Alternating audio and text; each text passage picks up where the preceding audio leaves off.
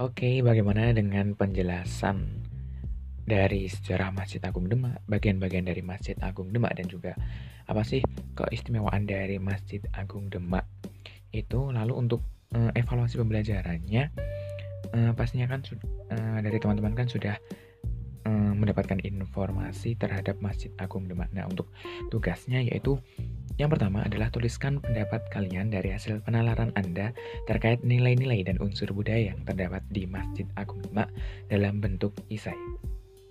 Yang kedua adalah bagaimana kehidupan sosial masyarakat di masa itu dan tuliskan keunikan yang e, menjadi ciri khas dari Masjid Agung Demak.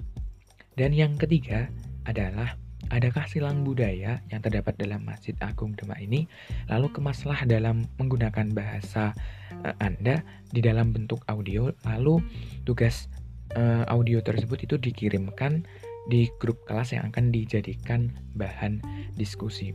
Mungkin itu saja tugas untuk um, materi kali ini. Uh, selamat mengerjakan. Sampai jumpa.